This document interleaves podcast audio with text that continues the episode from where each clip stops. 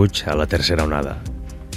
La majoria de vegades els projectes musicals, ja bé siguin individuals o col·lectius, naixen amb un propòsit més humil sense pensar en la repercussió que pot arribar a crear. I moltes vegades adopten noms que després es veuen obligats a canviar o retirar per problemes burocràtics en companyies o empreses. Mike Paradinas, per exemple, va tindre que abandonar un dels seus pseudònims quan els advocats de George Lucas van descobrir en la dècada dels 90 que ja portava uns pocs llançaments publicant com a Tusken Rider, per a nosaltres coneguts com Moradors de les Arenes. Un cas semblant va passar amb Pansonic, formació fundada en 1993 i anomenada els cinc primers anys Panasonic, nom que rectificaren arran la intervenció de la companyia d'aparells electrònics.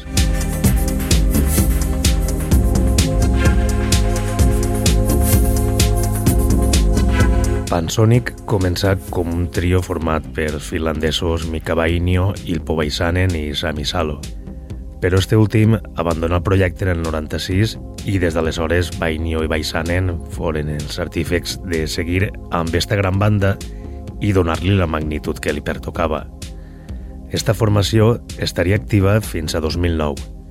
Després, en 2015, es tornaren a juntar per a crear la banda sonora de Tony Palu, El retorn de l'àtom, documental basat en el procés de construcció de la planta nuclear Olkiluoto L3 en Finlàndia però a dia d'avui no es tornarem a veure ja mai més.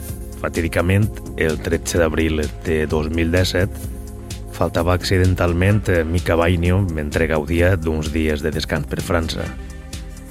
Una gran pèrdua per a qui li dediquem l'edició d'avui.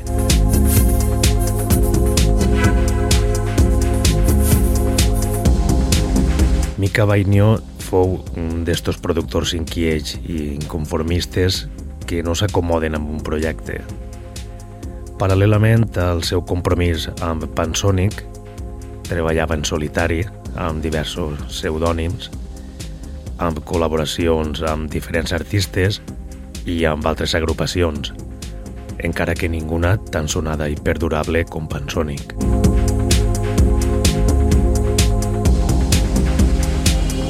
Pansonic fou el primer dels projectes i el més gran de tots en els que estigué involucrat Bainio.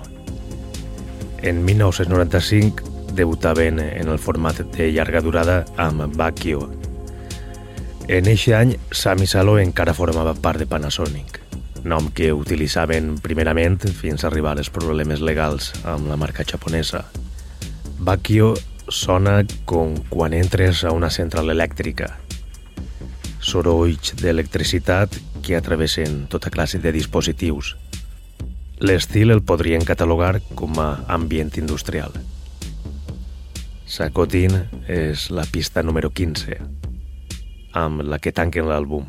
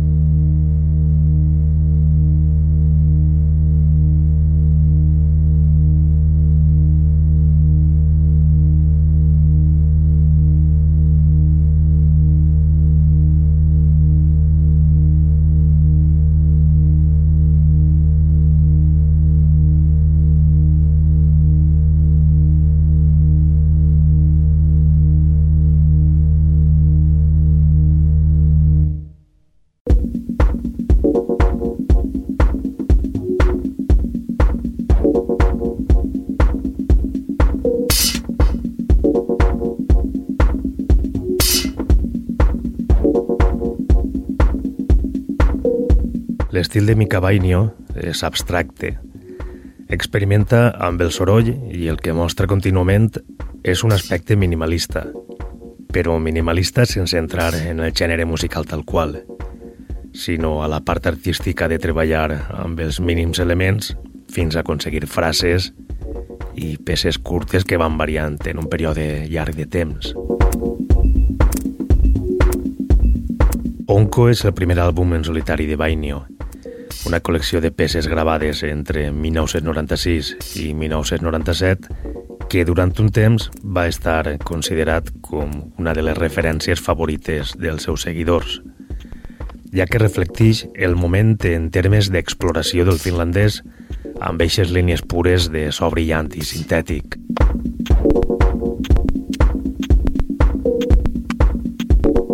L'àlbum és una referència amb tan sols quatre pistes, però de durada extensa.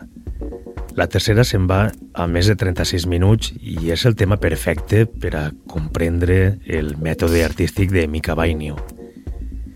I possiblement classificar-lo més com a científic sonor que com a músic, ja que el que crea són impulsos i variacions de freqüències que requereixen una escolta molt precisa, o bé amb un bon equip o amb auriculars, i tot amb un entorn afable on poder apreciar perfectament cada minúscula alteració.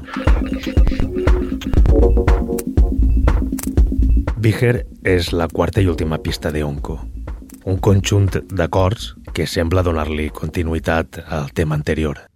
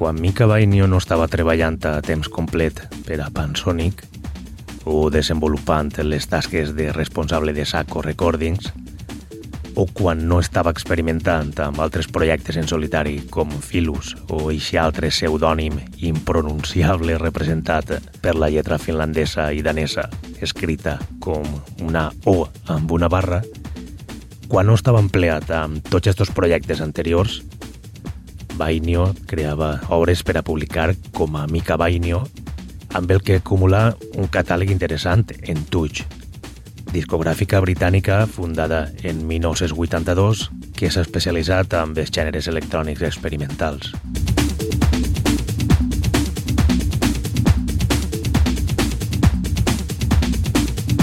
En 2003, Mika Bainio publicava In the Land of the Blink-182 is King, quart àlbum en solitari que de nou firma per a Touch.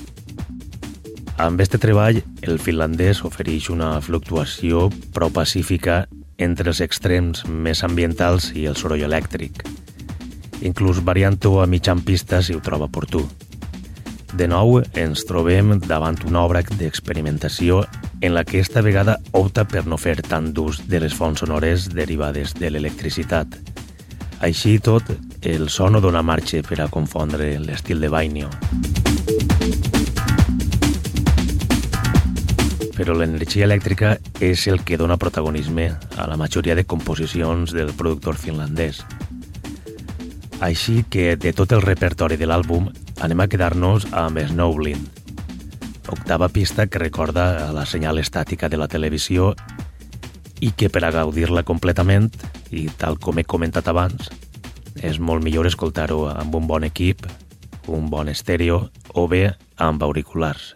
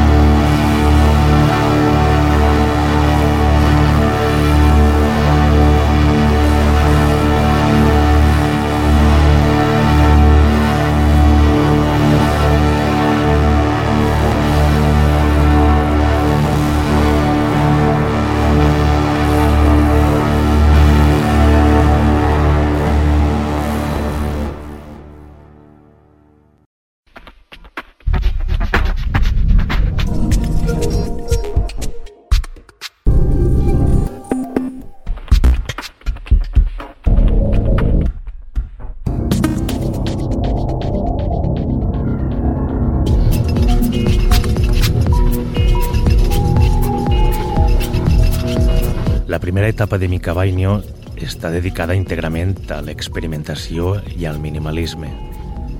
La seva obra és una faceta artística emmarcada en un àmbit cultural contemporani, on trobem la necessitat d'escoltar-ho acompanyat d'imatges, escultures, mapping o altres disciplines d'art audiovisual.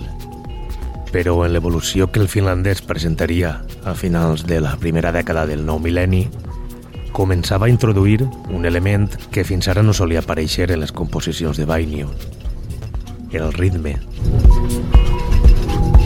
Però no parlem d'un ritme estàndard amb un bombo, plats i caixes. El ritme, com no, està dissenyat amb polsos i freqüències mesclades que emulen el soroll blanc o rosa.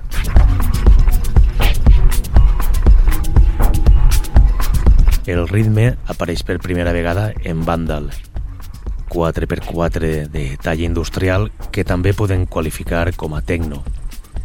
Referència que firma en 2009 al grandíssim setxell alemany Raster Noton.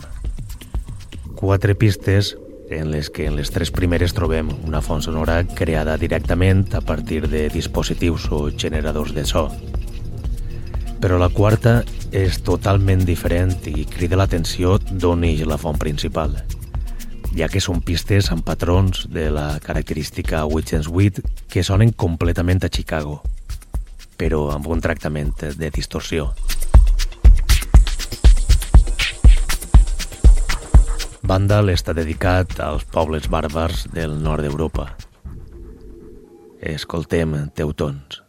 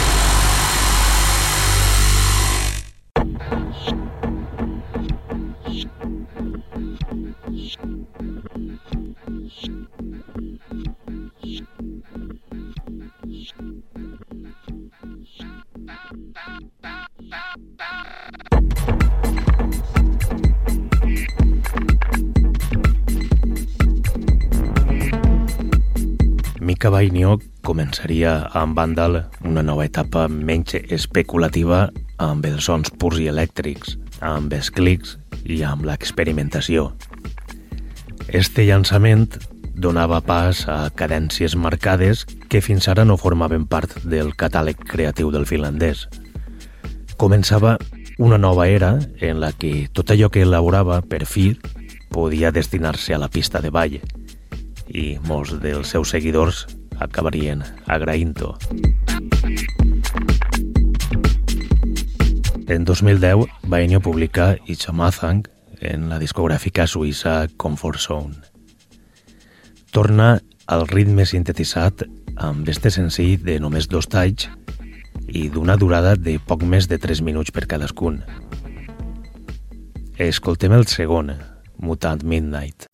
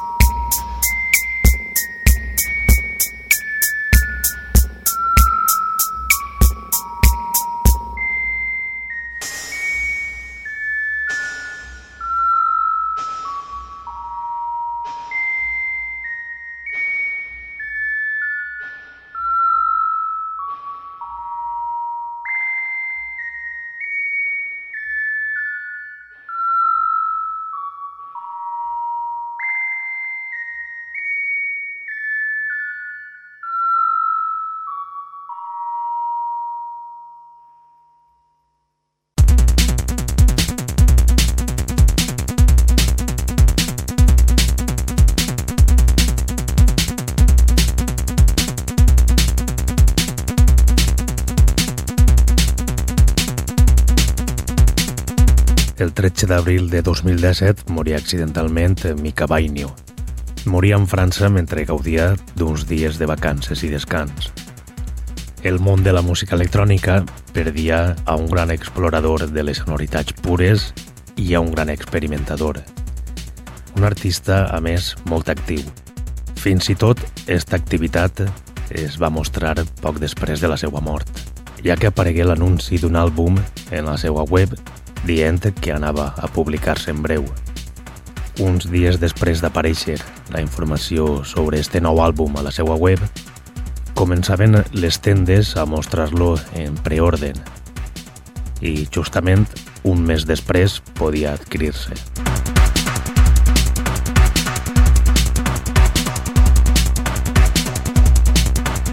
Reed és l'última referència de Bainio.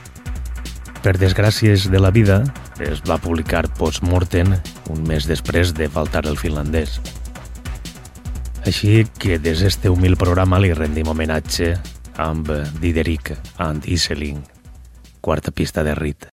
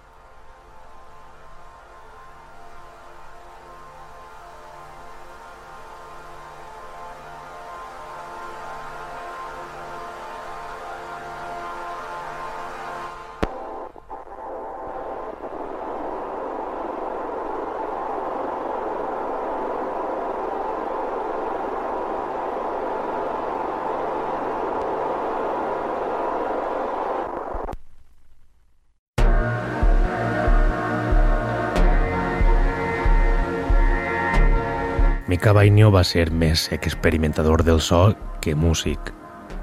Encara que per a la majoria de gent pugui sonar prou marciano tot allò que feia, tenia una gran legió de seguidors i una gran capacitat de creació, basada sempre amb el so més pur. Recordar-lo també com el 50% de Pansonic amb Il Povaisanen. Fins una pròxima edició de la tercera onada. Salutacions de Ximo Noguera.